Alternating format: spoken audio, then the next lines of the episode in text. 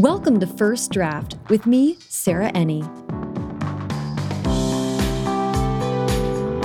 This week I'm talking to Amanda Oliver, former librarian and author of Overdue Reckoning with the Public Library. I love this conversation, and I honestly think it is required listening for all authors. Amanda is a beautiful lyrical essayist, but for her first nonfiction book, she felt compelled to recount her many years as a librarian, first in a public school and then in a public library, both in Washington, D.C. She writes with unflinching clarity and honesty about what the modern library is like one of the country's last remaining social safety nets, and how that does and does not dovetail with the training she received when she got her library sciences degree, and how we can all do more to support our local libraries, librarians, and the patrons who need them the most. Please give this episode a listen and spread the word because, as authors, we can do more than just sing librarians' praises. We can actually understand their work and help to give them much needed support. Whew, okay. So, if you enjoy First Draft, there are a lot of ways that you can support the show. Join the First Draft Patreon, where for 5 or $10 a month, you'll get access to an exclusive community forum, monthly video chats with me, 15% off all First Draft merch, and more. Check it out at patreon.com slash firstdraftpod. If you want to just donate directly to the show on a one-time or recurring basis, you can do that at paypal.me slash firstdraftpod or by donating via Venmo. The show is at First Draft Pod on there. The show notes for this and every episode are packed with great links to everything the guest and I talk about.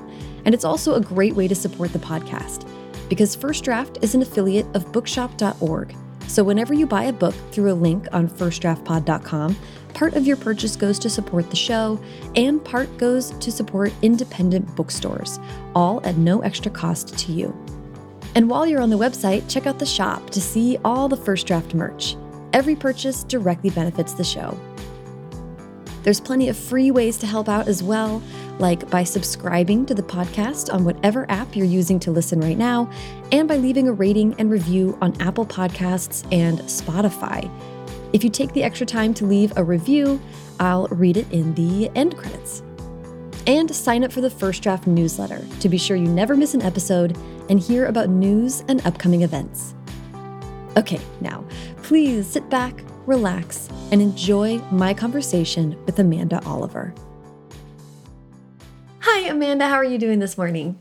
I'm good. How are you doing? I'm doing so well. I am so excited to talk today. I loved Overdue, your first nonfiction, not, or I almost called it a nonfiction novel.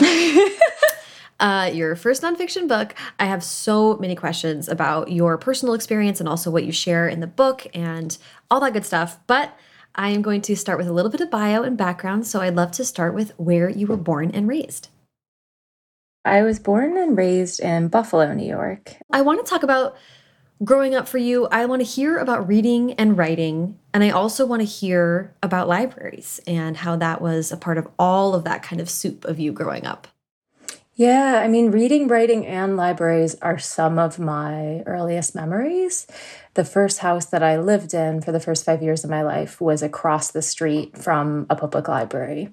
So, in my memory, my mom and I were over there every few days, taking trips looking at books, checking them out, going to story time. Like those are some of my most vivid earliest memories are at that library.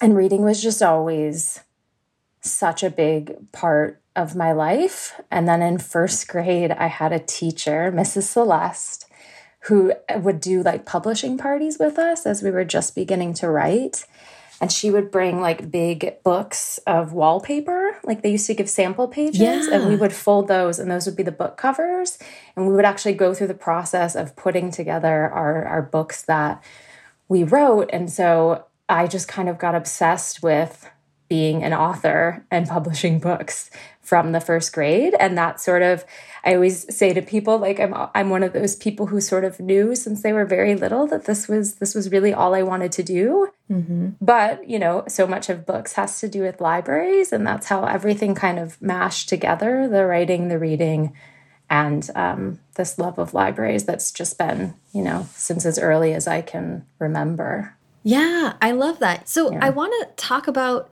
your evolution to becoming a librarian, but also how writing was like still a part of your life at that time. So can you kind of lead us to deciding to study for your MLS? Yeah. So I had, like I said, I'd always been writing, and I, I finally took a creative writing class in high school, and I just knew I loved it. It was where I felt the most at home. And then that was about the age where just sort of other adults in my life started saying to me, you know, you can't make a living mm. um, doing that. Mm-hmm. And I remember that hurting a lot, and nobody intended it to hurt, obviously, but um, I don't think they realized how much that that piece of my life and world um, sort of meant to me. But I, I really carried that that voice really heavy.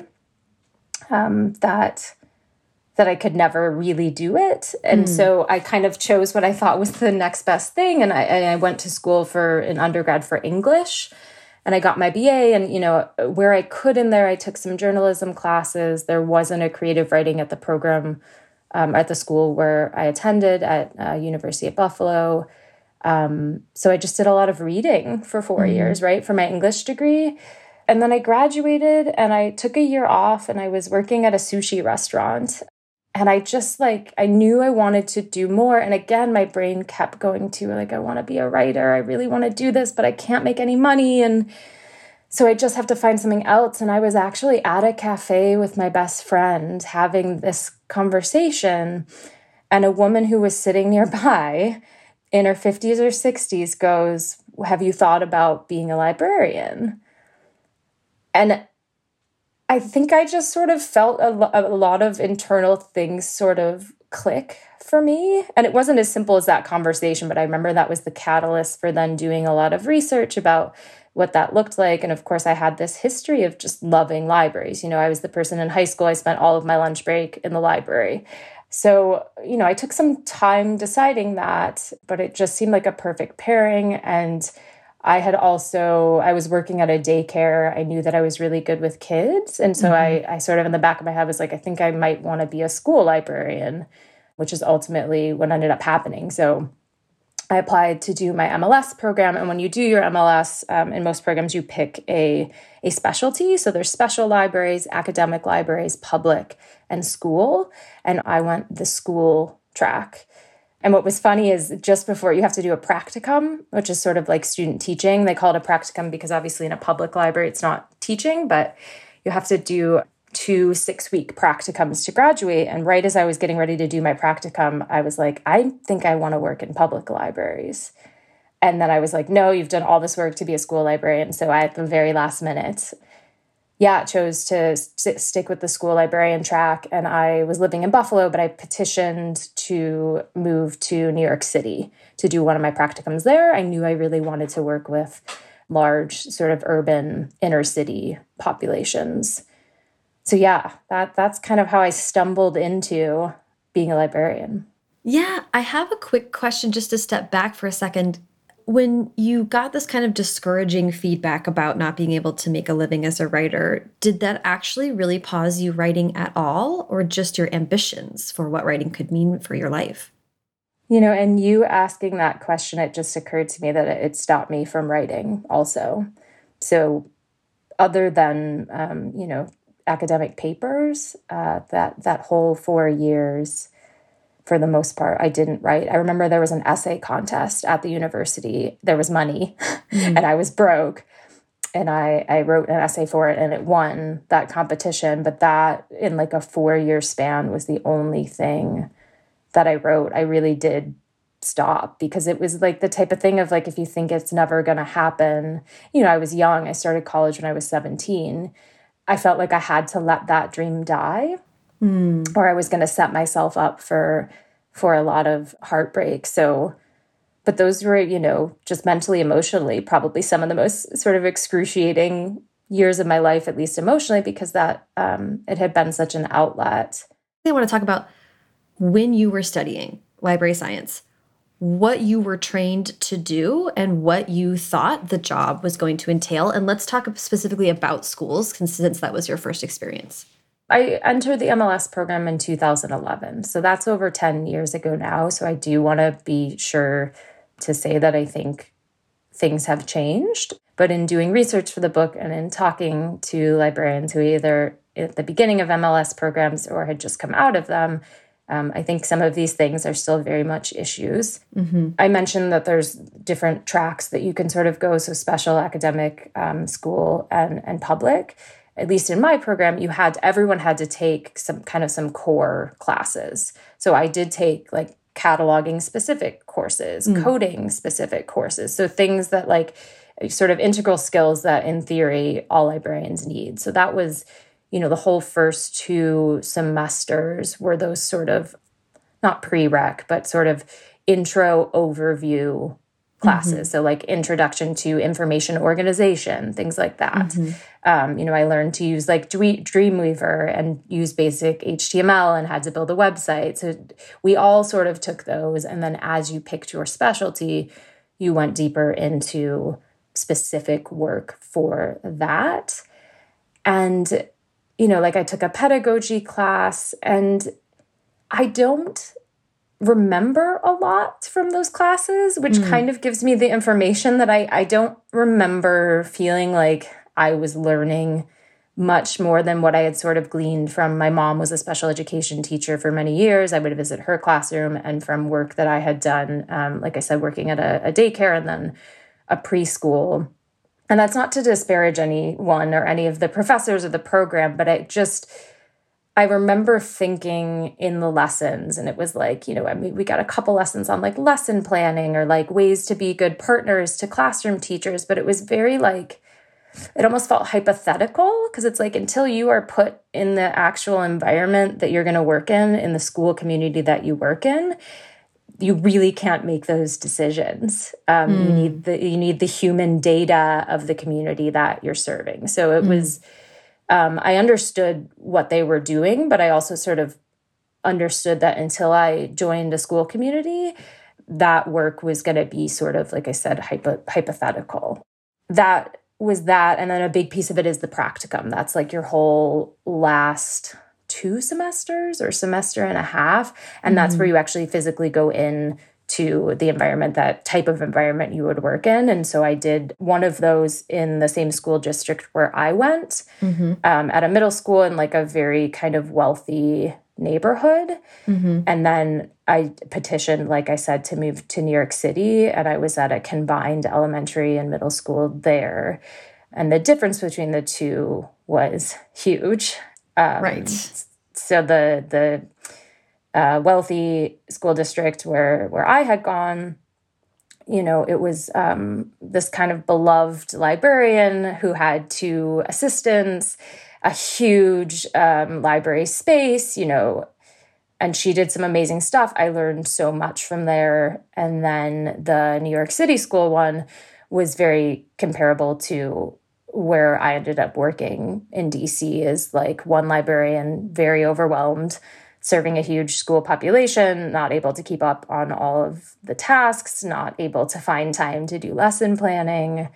Um, so I sort of saw the many different ways that that could be, and that kind of goes back to this the the schooling part of the MLS. Like it depends on where you're placed and and and where you take a position, what the requirements of the job are going to be. So mm-hmm. certainly, you graduate from your MLS knowing how to, you know, shelf books and you learn about classification and things like that, but that is that is like an intro course and a very small part of it. Right. And that's you, you are kind of like leading me to my angle on this question, which is just sort of whether or not you felt like your professional training gave you what you needed for the actual practical part of the job. For the practical part of the job, no. Uh, no, it was very much learning on my feet within the profession. I think you would be hard pressed to find a librarian that tells you that their MLS program prepared them adequately for any librarian um, job. Mm-hmm, mm-hmm. I'm trying to tread lightly there, but um, you know, and and again in my interviews, I I didn't have a single librarian say that they feel like they got what they needed out of that degree. Um, and yeah. certainly that is a big conversation. Um, and it's also, there's also some talk about um, gatekeeping and how um, a lot of people don't realize that to be a fully certified librarian at a certain pay grade, um, you have to have your master's degree. And there's a lot of talk of is that a way of just gatekeeping for people, like people mm-hmm. who have worked as a library assistant for 20 years or even a few years I would argue are probably just as capable uh, mm-hmm. as being a librarian as someone who went and got their their MLS degree. I, I certainly think it's a profession where most of what you learn and how you you become a librarian, if we want to put it that way, is is within the work. Mm-hmm. And again, it's it's such a community driven, public facing, public serving profession, and, and that's not necessarily something that's conducive to a professor lecturing at you about best practices when best practices are dependent on like i said the community that you're serving mm -hmm. so let's let's talk about the practical experience of um, you get into it in overdue but i'm but i'm interested in hearing you describe boots on the ground like rubber hitting the road whatever idiom we want to use here like your actual experience entering a school library can you kind of tell us what that was like you know, I, I certainly had an idea of what it was going to be like when I when I boots hit the ground um, in DC. Part of that had to do with knowing the population that I wanted to work with. Like I said, the reason why I did New York City was I knew I wanted to work in a large urban school system. So when I graduated, I applied to school districts all over the country that fit that criteria. So Los Angeles, Detroit, DC, Buffalo, something that I'm forgetting. Um, and the only place to get back to me was DC as someone who had never had a job before. So my brother was living there, thankfully. And so I went down for a summer and moved in with him. And I always, I kind of call it like, it was like principal dating game. Like the way that it sort of worked in DC is you applied a bunch of places and then you showed up um, to a school and all the principals were there and you kind of went table to table. Wow. And you interviewed with them. Yeah. Interesting. And so by the end of that day, where I just went to one and there were several, I had seven job offers, which should tell you something. Like I, I had no experience. And I did, you know, I had my little portfolio and I, you know, I had my schooling and sort of my my bit of practicum experience. But um, I got a lot of job offers and and I ended up, you know, finally selecting one and getting started right away and just, you know, the whole experience like I showed up and the library was just like total chaos. It was on the fourth floor of uh, one of the oldest schools in DC. It was huge. So, you know, like uh, the optics of it sort of were like, wow, I got a really big library with a huge collection and like a back workroom and an office and a teaching classroom. And like in theory, it was great. And then you know, I started to look at the collection and you know, there were books from before we had landed on the moon on the shelves, which becomes an issue of like when you're a first grader and you pick that up and it's a book, you think it's real. So, you know, I just remember trying to assess what best to put my attention into when I when I started the job. You know, do I fix this totally chaotic physical library of the books? Do I focus on the fact that I'm going to be teaching 16 classes a week for 45 minutes and lesson planning? And so I didn't really know. And again, you know, you don't know till you do it. And I just remember the first day with students, it was just like pure. I had no, I didn't know how to manage a classroom, you know? So I wasn't trained as a teacher, I was trained as a school librarian. So I was working in a you know DC public school um, elementary school, and I cried every day for like that first um, that first sort of month of of learning how to be a a teacher really not not quite a librarian while also being expected to to be the school librarian. So you know teachers are coming to me like hey we're starting this curriculum and i need these books about x and just very overwhelming from the get go. That first year was rough. yeah, I mean, this is so. This was the context I really wanted to provide. Was like, um, just because I, I mean, I don't really know, and I don't know if everyone listening knows, like, what is expected of a school librarian versus what the realities of the job are? There are layers to this, um, but I, I will try and break it down into two. So there are usually two types of sort of roles and they're called fixed and flexible scheduling when it comes mm -hmm. to mm-hmm. school libraries. So a fixed schedule is what I had where students have a scheduled library time once a week for a certain period of time. And then a flexible library schedule is the library is open all day. Teachers sort of book time to come in, like classes are coming because they're working on specific projects. The librarian is preparing lessons for that. During lunch, the library's open and kids could come there. It's a much more kind of holistic, people who want to be in the library or in the library, the library's getting used for you know, specific um, research and stuff. And then this sort of fixed schedule is like lesson planning and prepping for 45 minutes a week with students uh, who may, they may be between curriculums or they may really hate the library and not want to be there mm-hmm. um, and managing that so in my experience most most like school librarians prefer the flex schedule it's much mm-hmm. more like I think everybody gets a lot more out of that. But specifically in DC and in the DC public schools, just because of being understaffed and really overwhelmed, all sort of specials teachers, so specials being like PE, art, music, foreign languages, um, library, uh, it's often used as teacher planning time. Mm-hmm. So kids are coming to the library for those 45 minutes. Those 45 minutes are like the only planning time other than lunch that the teacher gets during this day. So it becomes this really, you know, I had multiple lunch duties. I had recess duty. I was the head of the reading committee. I was the head of the technology committee. I was the building like go to person if things went wrong with computers. I was also the librarian. Um, mm. It just like, many, many, many hats beyond what I think is um, sustainable and, and, and sort of beyond what I think like you're kind of set up from for failure from the get-go. And again, mm-hmm. this isn't all. So if we go back to like the the library where I did my practicum in the district where I grew up, that was not the case. She certainly did um, plenty of work and and did amazing things in that library, but the the environment was conducive to to that. Yeah, right. Right. And and I wanted to now kind of also talk I mean like thank you for outlining that because that's so useful and, and interesting to understand like, you know, uh, you know, you get into this a little bit the, in the book too, but even parents probably don't understand what their school librarian is doing or all that goes into actually being a functioning school librarian. So I think it's really useful to understand that um, and maybe generating ideas for how you can help your school librarian. yeah. Um, but also, I want to talk about um, this might be a strange way to word this question, but I want to kind of lean into like what was expected of you, like emotionally.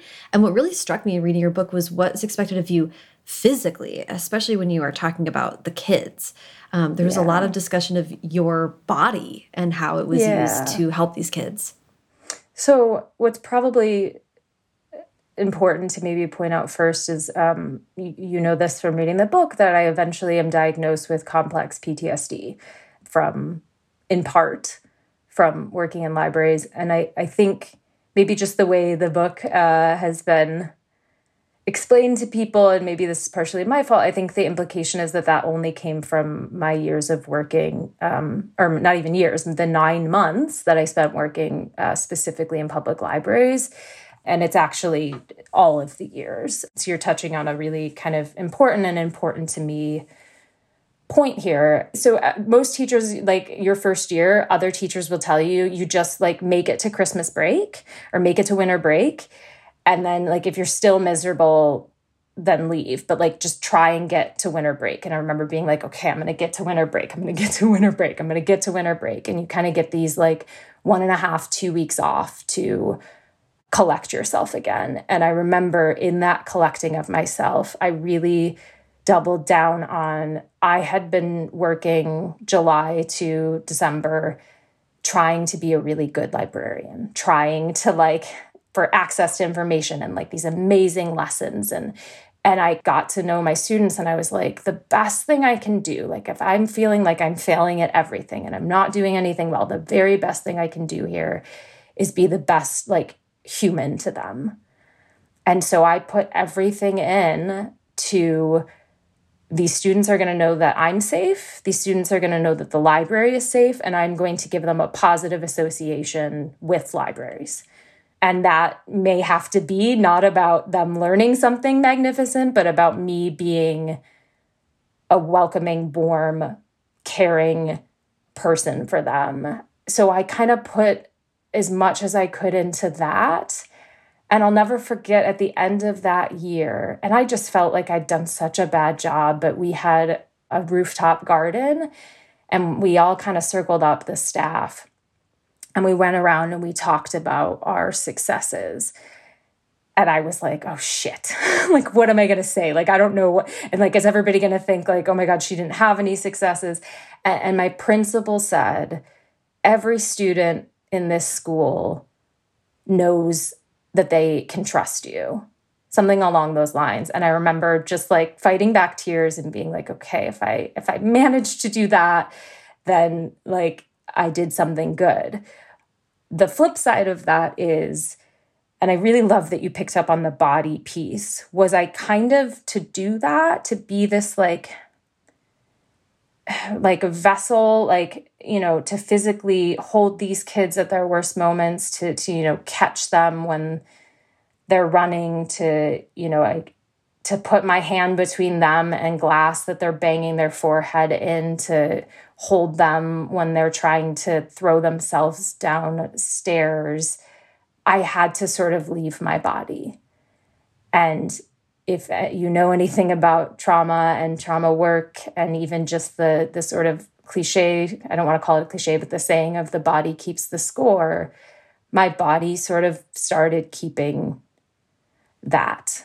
And I am very sensitive to I can never fully know what my students' lives were like, and I and I tried to understand as much as I could. And I, I don't mean to, you know, make it. There's no comparison to be made there, but I just know that in understanding what they were going through, even in the blips of seeing them at school, my body took a lot of that onto, and my heart did, and my spirit, and it was a lot and it was um, many many years of that and i'm a very sensitive person. I try and just openly say that to people now. I didn't for many years. I was like i'm like tough and independent and i'm all these things and it's like no i'm a very very sensitive person. I think most writers are um, you know maybe like a flexible definition of what that means sensitive of like you're just hyper aware but yeah, it was a lot to to see each day and very heartbreaking and just feeling like my hands were pretty tied about what all I could really do to to help. And there are certainly librarians who uh, might listen to this and cringe and think, well, you could have done this and you could have done this. But really, like, I really spent my years as a school librarian feeling like if I could just be a safe place and person for these students, that that was the best thing I could do for them and, you know, at some personal toll to me as well. Yes. Yeah. And I appreciate you speaking to that. I mean, like from reading it, that's what I felt. I just felt like the absorption of a lot of mm -hmm. stuff you can't ultimately fix, you know, and that's a really right. tough spot to be in as someone who cares deeply. But I think that a lot of teachers listening will respond to this too. Can you talk though? There was other one lesson plan you discussed that which I just like was so obsessed with the encyclopedia. Yeah. Can you talk about that? Because it was just like, yeah. oh, I this makes me so happy. yeah. So, um, you know, actually, the whole time I was in schools, there was a lot of pressure, understandably, to to teach kids technology, mm -hmm. and we had you know laptop carts, and always my principals we would kind of butt heads, where I was like, I can do both, like I can teach them that, and I can show them Encyclopedia Britannica online, but like also I want them to be able to to know what this like thing on a bookshelf is in the in the back um, of the room. So mm -hmm. with my first graders, one of and it was actually part of their, I believe, their first grade curriculum was um, learning how to use an encyclopedia and a thesaurus and a dictionary. And so I had sort of classroom sets of those. And um, I made kites. So they, on the like triangle of the kite, the middle of the kite would sort of say the word. And then there were different points on the kite that they would fill in other information. And then there were bows where they would put other pieces like what page it was on. And I kind of planned the lesson thinking, like, oh, this is going to be a flop. Like, these kids are going to hate it. And it turned into this thing where every year, kind of when I did it, as soon as the kites started going up, students from like second, third, fourth, fifth grade would come in and be like, "Can I make one of the kites?" Yeah, I was the description of the because they could choose any word they wanted, right? Yes. And then the kite. Oh, they were full, so psyched. That was just like I, I, know that would have gotten me as a kid. That just would have been so um so fun. Well, you think about like. So I had the another like positive about being a school librarian is you're in this really unique position where you're not tied to testing. And so even PE, art, music all had curriculums from the mm. district and libraries didn't. So I had all this freedom with what we did. So, you know, I would try and just like with my upper grades, I would, there was some like kids' newspaper that was online that we would start class and I would just put the headlines up on the board and I'd say, what do, what do we want to talk about? We'd spend kind of the first 10 minutes like, oh, well, like, what does that mean? What is that story? Like, oh, I heard about that. And we'd have a conversation about that. And I remember, you know, it, it wasn't lost on me that I had a really kind of cool position in the school to like not only get to know all the kids, but to get to see their curiosities and explore mm. them. Ah, okay. Well, we could talk all day about this, but I do want yes. to talk about um, the transition to working in a public library. What, what what made you choose that, and how did you get assigned one? To lead us to this part of your profession. Yeah. So it's still the case that school librarians are one of the first positions cut in the DC public schools. They just are. So I had another year of my position being reduced to half time at the school where I had been for two years.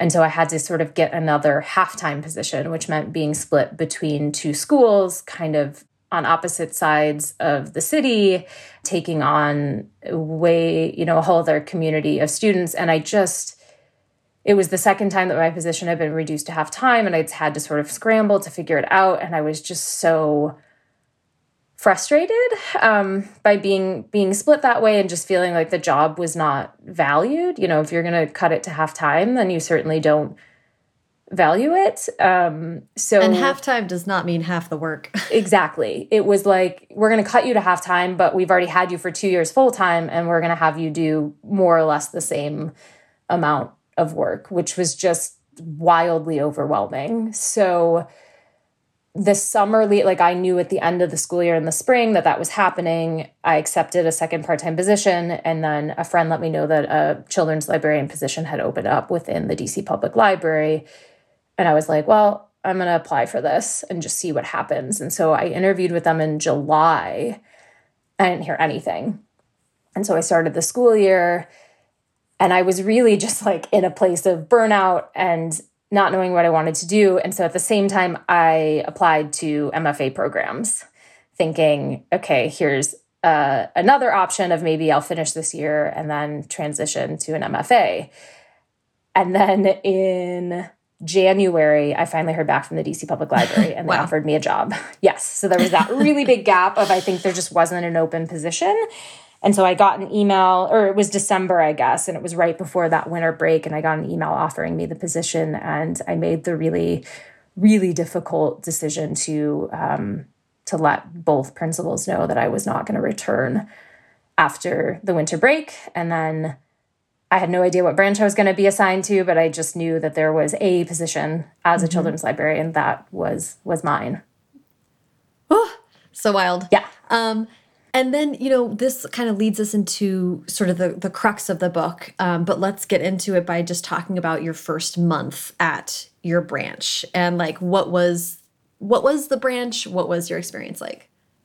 Yeah, so the the branch was actually in a neighborhood that was sort of rapidly gentrifying, but I was quite familiar with. But I was actually out in Joshua Tree, where I live now, um, when I got the email, and I remember seeing the name of the branch and like thinking I had a pretty good grip on the names of libraries in DC. And I was like, I don't recognize this one. And then I kind of pulled it up on a map and I saw where it was. And it's like a couple blocks in from actually NPR headquarters, mm-hmm. which is really interesting. And so when I got back from Joshua Tree, I sort of drove by the branch and like from the outside, it looks really beautiful. And I actually saw it was attached to a DC public school. So it was mm-hmm. intended to be a school, a library, and a recreation center. And the recreation center closed down within like two years of opening, kind of because of the neighborhood that it was in, I think, or it just wasn't being used and the school kind of absorbed that. So it was these two buildings and i was like okay i'm just going to show up on the first day and you know see what i'm see what i'm getting into. Mm-hmm. and i you know i showed up the first day and i was early and i didn't have like a swipe card or way or a key in at that point. So i sort of waited outside and you know i was waiting outside with people who had clearly either slept outside against the building or had walked over from one of the shelters and you know pretty quickly put together uh, a little bit about sort of the demographic of people that i was going to be um, serving in that neighborhood. And then of course once the the work started i did more research and there's a lot more of this on the book but it's actually it's in a neighborhood that had been an open air drug market for many many years and there had been projects there as well and it was just a really complicated neighborhood in the middle of a ton of gentrification that was happening. So it was sort of just this tucked away library that no one, including me, until I worked there, really understood existed. But when I started, the central branch of the DC Public Library, the MLK Library, had closed down for a renovation. And my branch, where I worked, Northwest One, was the next closest library to that central branch. So it was my library and then Shaw.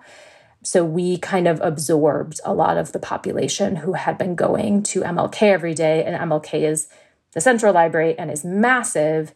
Northwest One was very small. And we weren't really equipped, you know, just from a, a size and staffing number to um, to serve as many um, people who sort of needed us. Mm-hmm. Um, yeah, and that first month was just kind of a crash course in um, what it was going to be like, and a, a couple of pretty violent incidents happened within that first month that sort of set the stage for a lot of hypervigilance and um, fear um, mm-hmm. going into the workplace every day.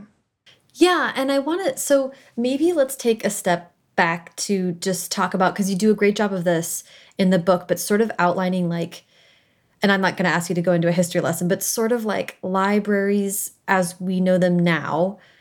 I kind of knew the history, but still reading it, I was like, God, yeah, it's really it's really recent, actually. Sort of what we understand as the library system is pretty recent, and what they have come to serve now, like um, I mean, they're born of like one man's individual wealth, really, and now they are like absorbing all of these degrading social systems. So, can you just give us like the brief overview of kind of what the modern library is now?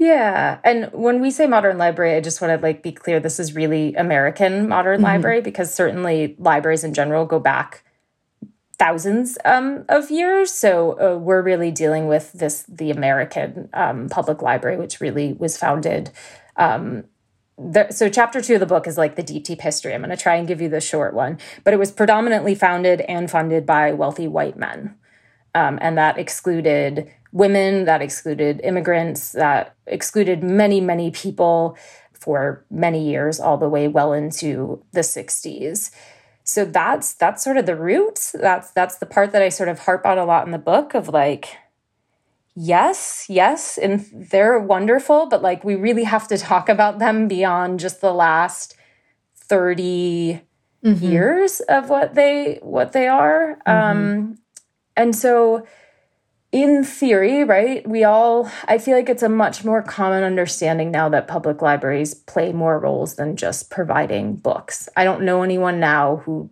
doesn't get that. But that goes a lot deeper than like, well, I know people go there for internet access. You know, there's kind of a, a basic understanding, but Northwest One, where I worked, is a really good example of like 95% of the patrons that I had at Northwest One were unhoused. Many of them were struggling with their mental health or addiction or some combination of all of that, had seen a lot of trauma. And you know, a question that I used to pose in sort of my angrier days was like, where else do they have to go? Mm-hmm. And I would ask people that all the time. mm-hmm. um, and and you know, the best answer that people often came up with was museums. And I had a good friend who worked at one of the Smithsonian museums, and it's like there are rules in place to ask people to leave that are much stricter than they are sort of in a public library. So I would always kind of play the game of like they try and come up with some places like okay they can go to a park and I was like yeah well when it's freezing do you think they're going to a park or do you think they're going to a temperature controlled library space and it's like oh okay so I'm not sure people fully understand that the library is like a seven days a week from open to close location for many, many, many people. And I was ignorant of this when I started working at Northwest One. I did not realize that shelters are closed during the days. So, like, they have to leave in the morning and they can't come back at night. So, that is like another issue. Many shelters in DC actually have shuttle services that take people staying at shelters right to libraries. But, like, the reason, the reason we got from the first public library to here is really complicated and is almost exactly why I wrote the book mm-hmm. because it's really hard to get it down to an article or um, you know an essay. Mm-hmm. Um, the history is deep and it's steeped in so many systemic failures in this country mm-hmm. that while I am I think we are all thankful that libraries exist and are able to fill in some of those gaps. I am most interested in the why. Why are they filling so many gaps? And I, I think I've ruffled many librarians' feathers. I've upset many people by talking about this because I think what they hear in me describing these things is oh, she just didn't want to do that job or she wants them to go somewhere else. And it's like, that is not what I'm saying, but I, I want us to talk about how we got to this place. Right. That, that libraries are filling so many societal gaps. And as someone who works in the profession and is like, knows the toll that that sort of took on me, there is this personal angle of like, that's not fair, right? That's mm-hmm. there. But um, the like, the the larger piece there is I just want to talk I want people to understand that and I want to talk about why and how we got there. Right. Right. Maybe let's talk about what your experience was like and kind of like what resources you wish you had had or what you think could help. I don't know. It's really complicated, but yeah. This is another spot where I feel like it's maybe good to to take a pause and um, acknowledge that I only worked in the space for for 9 months. Certainly I worked for many years before that in school libraries. So I do want to acknowledge that there are a lot of resources that I'm probably not even familiar with at this point because I've been out of the field for 4 years. What I can speak to is uh, what I would have loved more of at that time was uh, any sort of formal training in serving trauma, like trauma informed service and care mm-hmm. um, if that had been formally offered. And I have spoken about this before, and actually, representatives from the library system where I work have pushed back and um, said that they had courses offered, but I had never. I never saw those. I checked mm. with former coworkers. They were like, "We, there was nothing." So I would have loved any sort of formal training in how best to help care for these like exceptionally vulnerable people who I was seeing and interacting with and caring for every day. And certainly we did a lot of that work on the ground mm-hmm. on our own. You know, we we put together pamphlets of like resources for like all the local shelters, places where they could get a meal, where they could shower, where they could do laundry, where they could get clothing. Certainly we learned to do those things through the job and I learned so much from my coworkers, but it always astounded me that there wasn't anything coming from sort of the like quote unquote higher ups from the administration like here's best practices and mm-hmm. and I mm-hmm. do you know I go into this a lot in the book but just my frustrations and then as I did research for the book and, and spoke with other librarians just this common thread of administrators not offering any sort of support mm-hmm. um, I would also love to see, I mean, I talk about librarian social workers, that's becoming much more common, but, you know, DC is a good example. They have one person serving 28 branches with a team of people who I believe were volunteers, but she was able to be at Northwest One like four times in one month throughout the year. Like that's not enough people. Mm-hmm. Uh, that's not enough person to go to go around. Mm-hmm. Um, and it's just yeah, like I think you said complex. There's just layers to this because it also goes into like how libraries are designed and like when the MLK renovation happened like why wasn't there a needle exchange worked in? Why weren't there storage lockers designed into it for people who are unhoused and have to leave all of their belongings sitting outside up for grabs?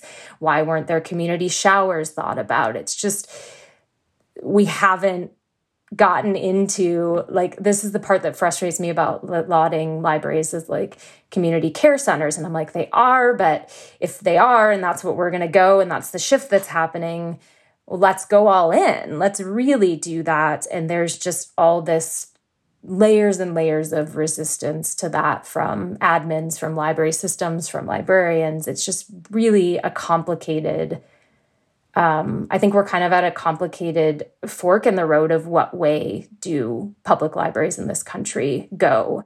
Just to underscore this, because this is the crux of what you write about, is like the pain of being at the juncture of what people think libraries are this idealized, romanticized, imbued with this kind of like negative nostalgia. I mean, negative in how it like blocks people from seeing the need in this actual, mm -hmm. actually really in some ways like really thriving American environment of the library, but like just facing clear eyed, like why is it thriving? For whom yeah. do the libraries exist now? And how can you actually serve patrons? Yeah, I'm glad that you got that yes. out of it. Um, and I think it, it, it is really tricky. And I don't mean to keep harping on this, but I do know that I I upset people a lot when I talk about this, sometimes in ways that I'm not expecting. And I'm like, I am coming at this all now from a writer's perspective mm-hmm. and who has the experience of having worked in a library. Mm-hmm. I'm like, I am looking at this like I look at anything when I write about it, like, why is it this way?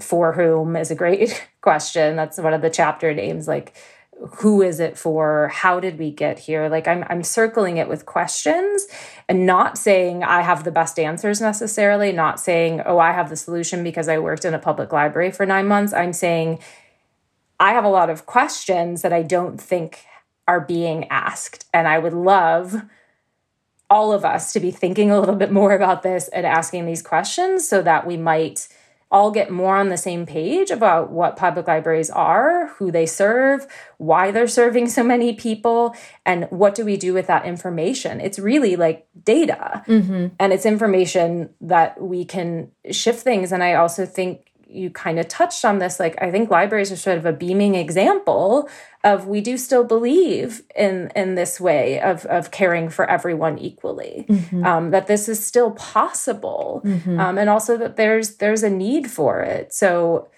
i really do sort of ultimately feel hopeful about where we could be headed but we have to like look back and look at the present and be realistic about what's happening not this like libraries are the most amazing like that that to me is such a reduced understanding mm-hmm. of that and that does not mean that it's it's um an incorrect one it's just like a reduced um, understanding. Yes. Does that make sense? Yes, yes, yes. Well, what's coming to mind is sort of archetypes, right, that we see in narrative fiction that are overly, how do I want to say this?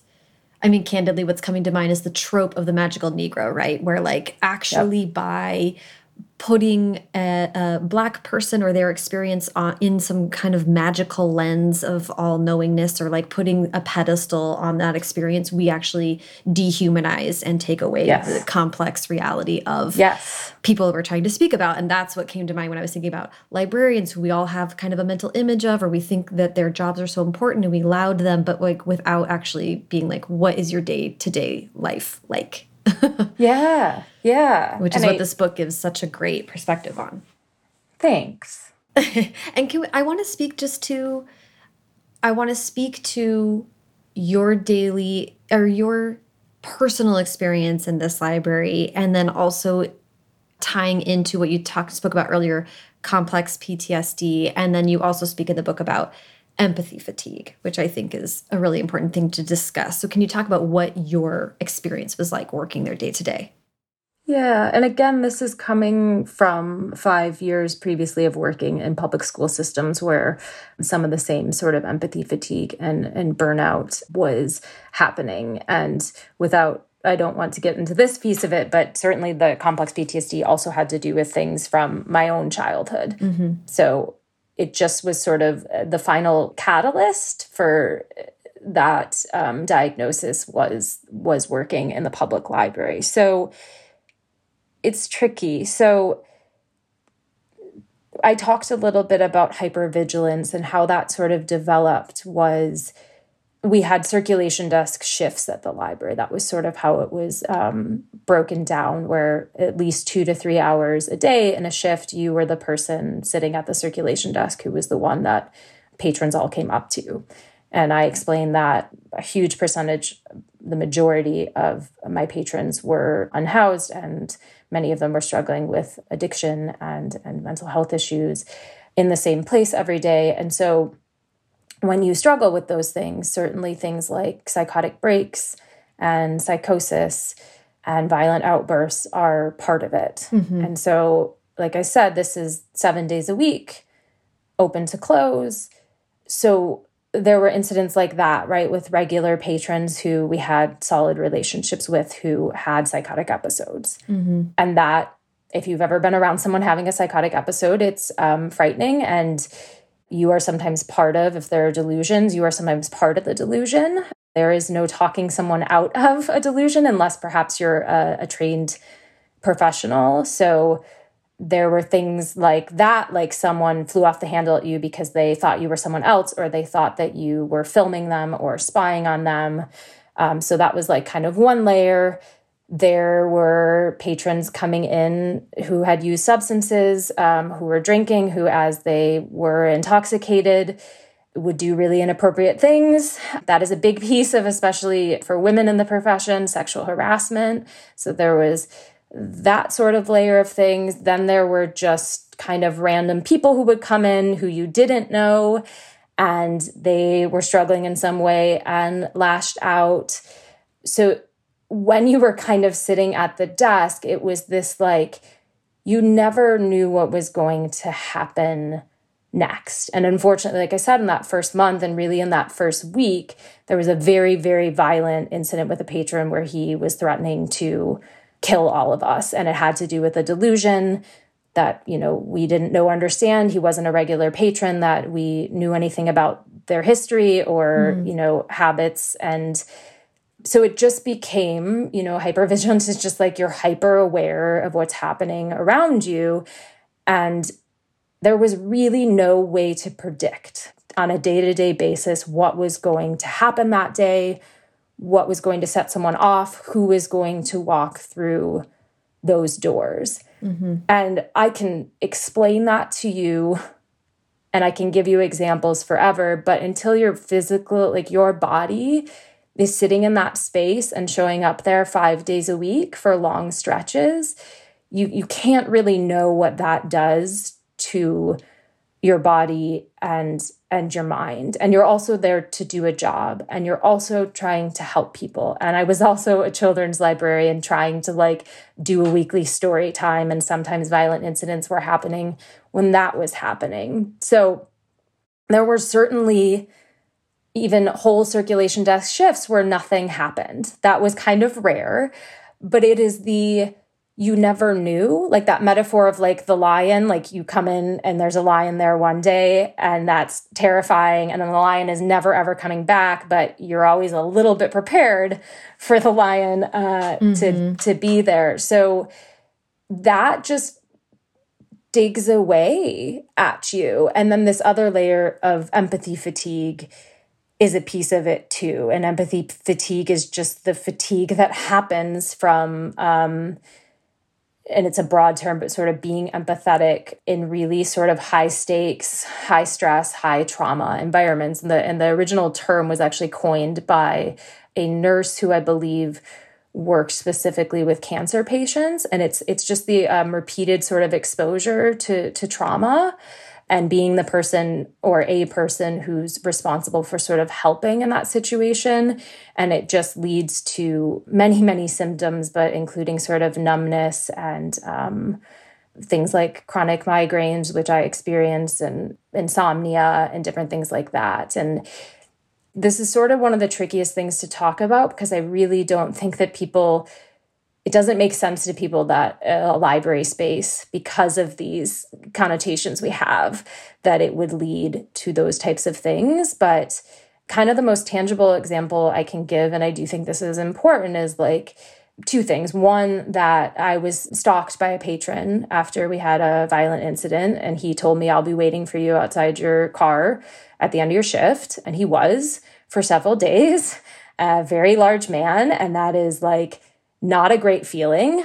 And then um oh, I forgot what the what the other side of that is because I just kind of had like a flashback to what that was like to sort of walk out of your place of employment, which has already been kind of chaotic, and then just see this person standing on the other side of the street staring at you. Oh, the second thing is, you know, in chapter 10 of the book, about half the chapter is about librarians who have been murdered by patrons so this is a, a reality of the job for for many librarians that your your your body and and your life are sometimes on the line. And certainly that is not what we think of when we think of libraries. And that was not when i start went into school to become a librarian what i ever thought would um would be the case. And again this is something that has many many layers to it. Yeah yeah, well, and I appreciate you speaking to it because that was that was what I was going to bring up as well because we unfortunately are speaking shortly after I think it was two guards at MoMA were killed. It was just two two people who were um, at the desk, like at the the where you're greeted, I believe. Wow. Um, so very very similar to being a librarian at a circulation desk, and someone comes in and you don't know that that's going to happen. You could never predict that but it happens. Um, and that's another sort of institution that you know i saw people kind of making jokes about it like that that would happen in a museum and it's it's the same sort of incorrect understanding of of um, all public places in this country mm-hmm. are susceptible to violence mm-hmm. and i mm-hmm. think like another deeper layer of that is that i don't think there's any space in this country that is exempt or safe from violence and again this goes back to my interest in like you might you might not like me saying that but that that is something to think about and mm-hmm. reflect on mm-hmm. and um, have as information Yes. And I want to I want to I want to ask about your evolution into addressing this publicly and writing about it um, because I'm really interested in your shift to nonfiction writing and processing. But just before I ask about that, I just want to take a second to ask about like ALA or organizations that are meant to be advocates for librarians like do you see them stepping up where they should? Or this feels like a place where maybe authors can you know like speak to this or you know we all go to ala or are familiar with that. And yeah, i'm hoping absolutely. that they're advocates in a useful way for you. Um i think they're getting there i did an interview with them after i had left about a year after i left um, in 2018 or 2019 they put together a piece where they interviewed five or six of us about um, burnout. Mm-hmm. And they kind of looked at different angles of what librarians are are doing the many tasks that they're sort of tasked with and within that sort of group there were people who were of the mind of like well it's a community facing thing and I'll do whatever I have to and then there were people more so on the line of like this is this is way too much so, American Libraries Magazine, I know there are librarians and people writing for them who are doing really good work on talking about these things. The ALA website, I mean, is like full of resources. But this, for me at least, goes back to like, that's a lot of work on your own. Right. Because I would go home from work and be like, okay, I'm going to look up like what to do when X is happening because I don't know how to do that. I'm going to handle that. Or I'm going to ask my therapist what I should do with this particular patron. And that's not me complaining, but um, it, it's just added work mm-hmm. to the work, mm-hmm. which is already stressful. So I would love to see them stepping in maybe to do more of like, reshaping what MLS programs look like, changing mandates. Like if you are going to uh, work in a public library in the US, you need to have naloxone training, you need to have trauma informed training. Like I think they can do things more at, at a higher up level to help things along.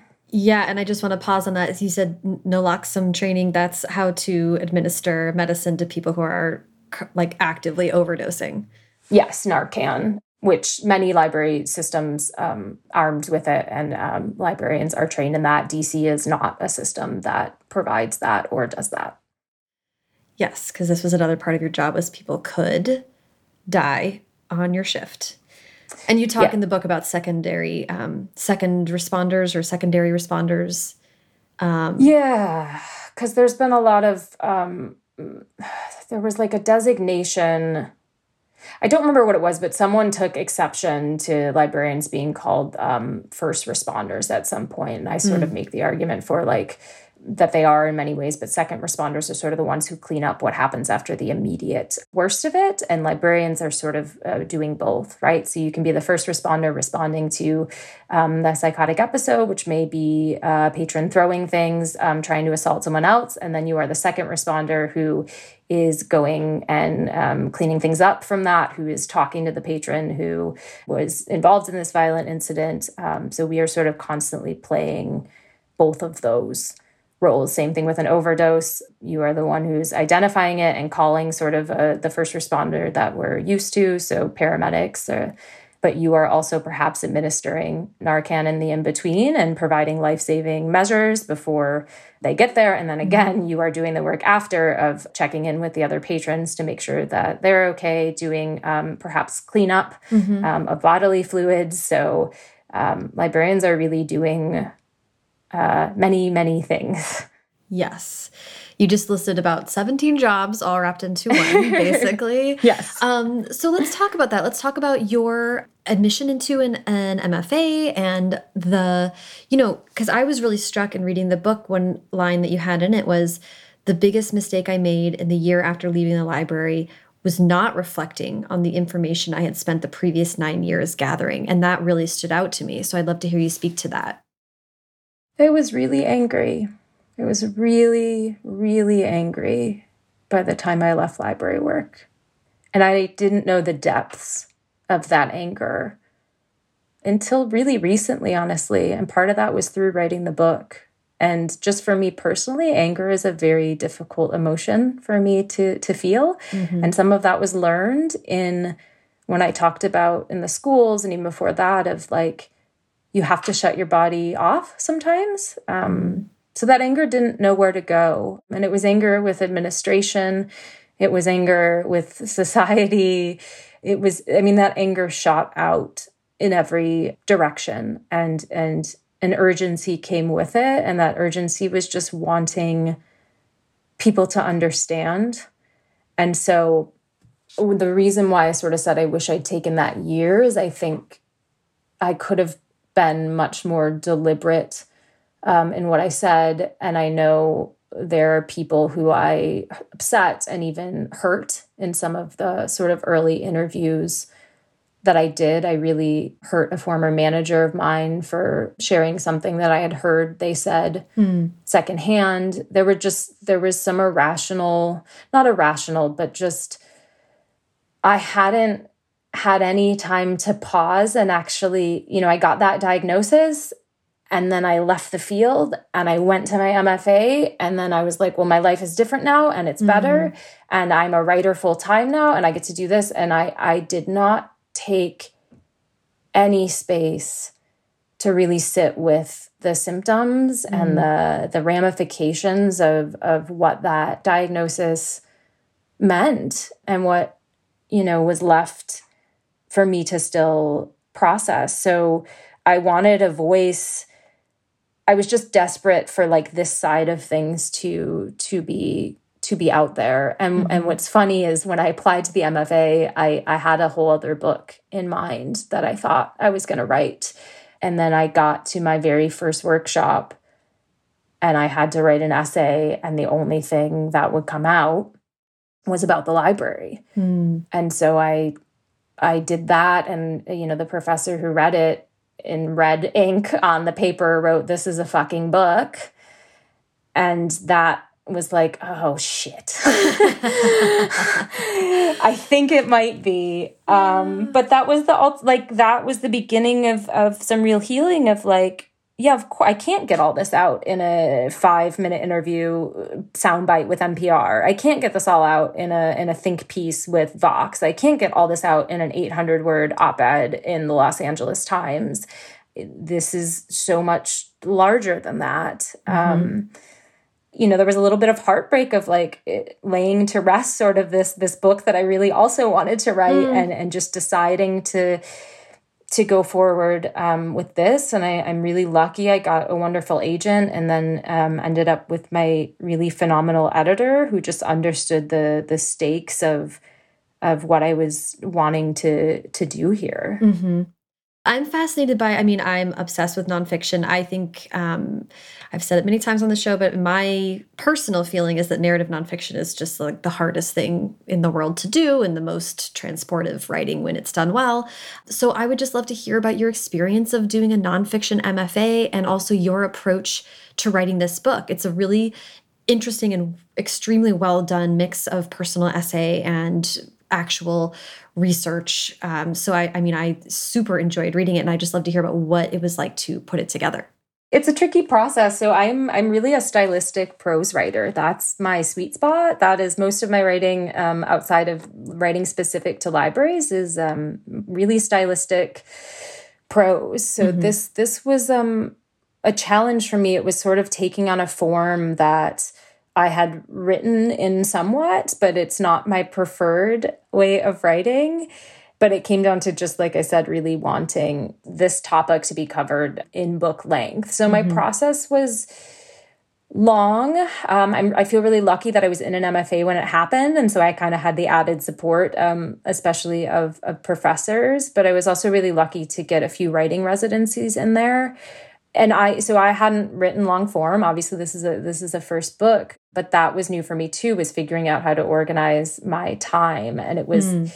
there was quite a learning curve. So, like the history chapter of the book was the first chapter I wrote, and it was the last one I finished. And at mm. one point, I spent like every day of two months sort of working on that, and wow. had to have a moment of like you are so far down this rabbit hole because it interests you and you have to keep going with the rest of it. So mm-hmm. there was a lot of like in the early days of writing this, like throwing things at a wall and seeing what stuck. And that was more or less like, what am I most interested in? And can I go down this rabbit hole before I really thought about the shape of the book? And that's where my editor was really helpful of like pulling out the threads and being like, I think there's this section and I think this is happening here and this mm-hmm. is happening here.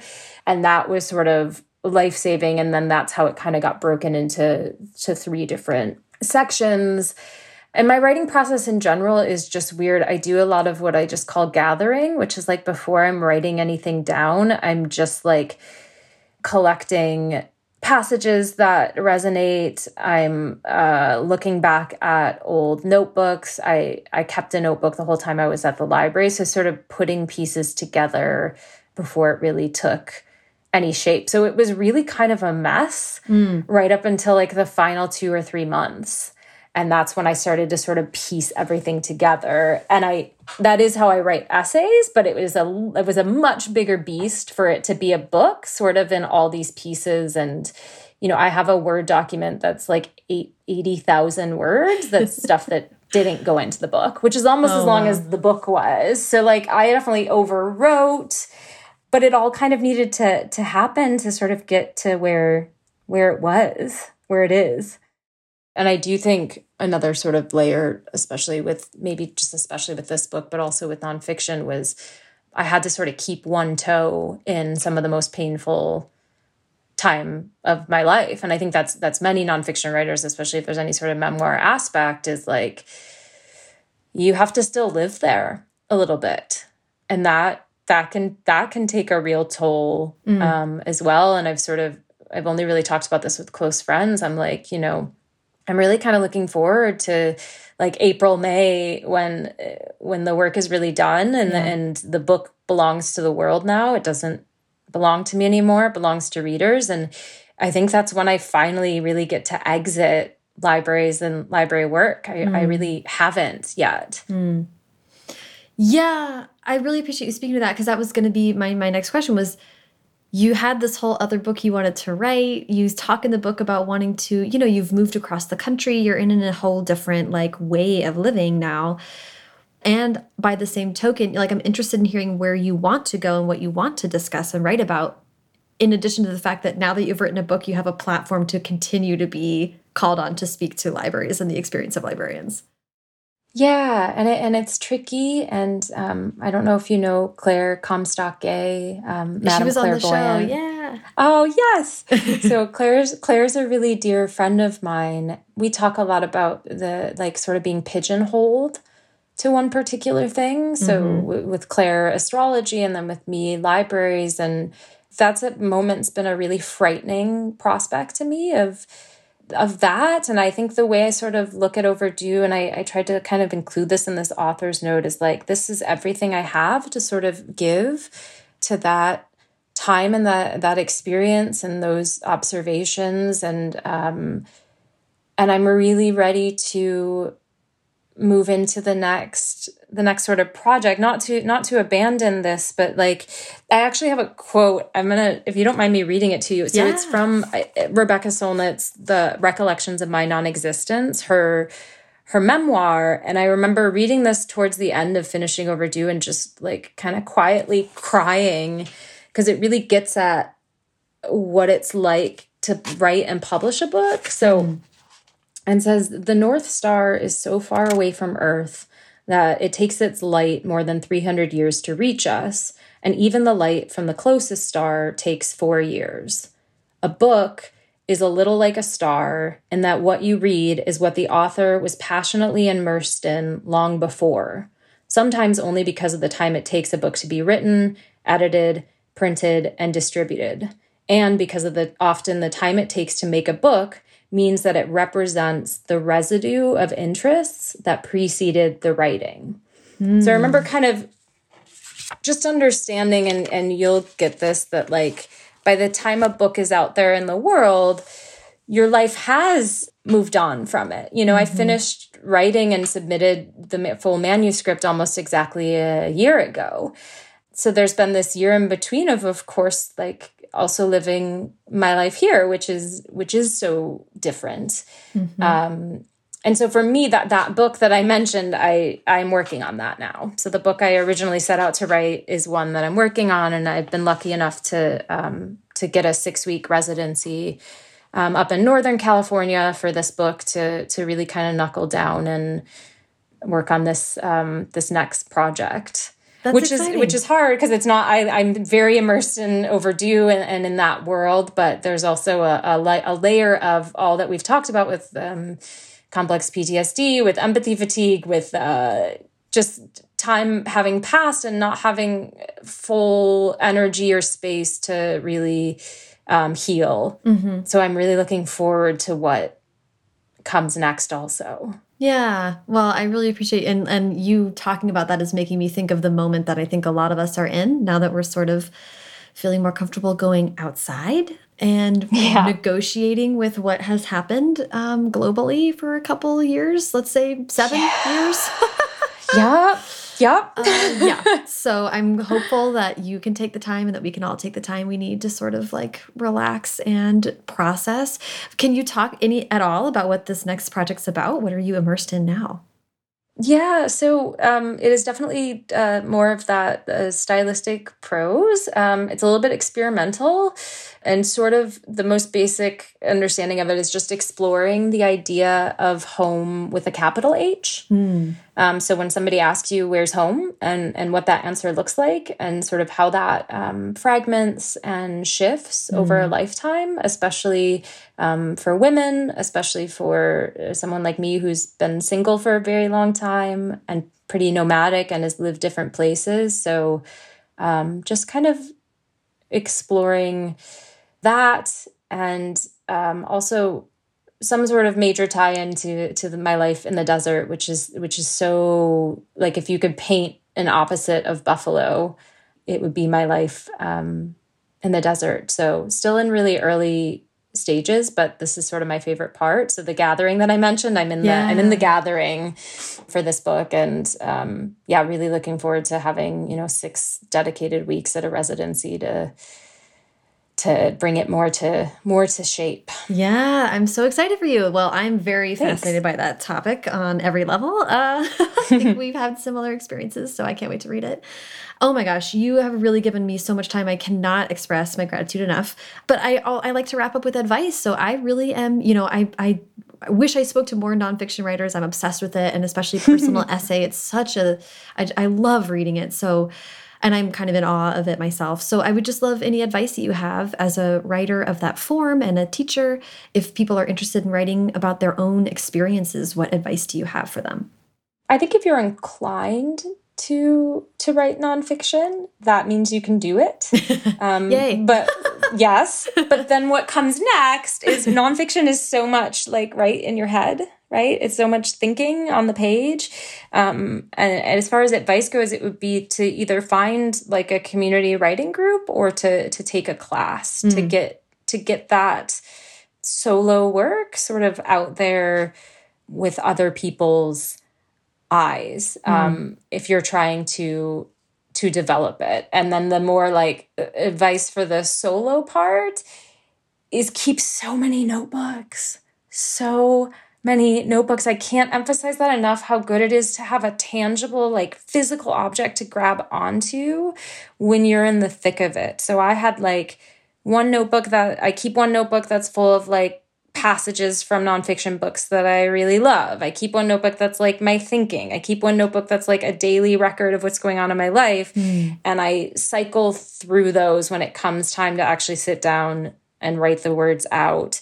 And I, I'm amazed by how often I find nuggets between those notebooks but being able to hold a physical thing it feels like a like a lifeline right mm. and a and a way back in um, to the work. When I teach nonfiction, the thing that I always find the most is like people don't know how to get back into it. Like they get a big chunk of it down and then they're really afraid to reapproach it. And I'm mm. like, notebooks are a really great way to sort of get back into it. So keep all of that, all of your thinking, keep all those jotted notes um, in yeah. some sort of physical notebook. I love that. I mean, I'm a big fan of diaries and notebooks. And yeah, looking back and seeing like, your own handwriting and like a stain that you remember. It's just like it's very yeah vivid. Yes, it's really like evocative, and it's funny because um I always I, like for many many years it felt so self indulgent. Mm. I'd be like, oh my god, why am I writing down like what I did today and what I ate?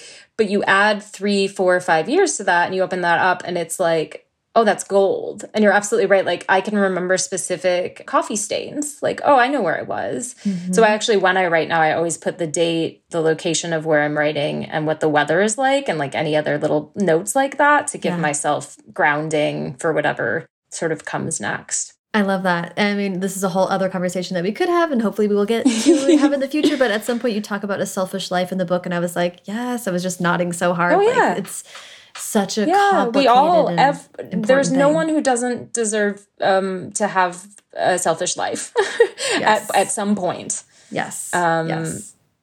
everyone deserves to have that time to go to go inward yeah yeah ah well i'm glad you're getting it now thank you so yes, much for giving much so. me so much time this was such a yeah. wonderful conversation amanda thank you so so much thank you it was a pleasure Thank you so much to Amanda. Follow her on Twitter and Instagram at A E L A I N E O. Eleanio. Follow me on both at Sarah Enni and the show at First Draft Pod. First Draft is produced by me, Sarah Enni. Today's episode was produced and sound designed by Callie Wright. The theme music is by Dan Bailey, and the logo was designed by Colin Keith. Thanks to social media director Jennifer Nkosi and transcriptionist at large Julie Anderson. And as ever, thanks to you, every single librarian, for listening.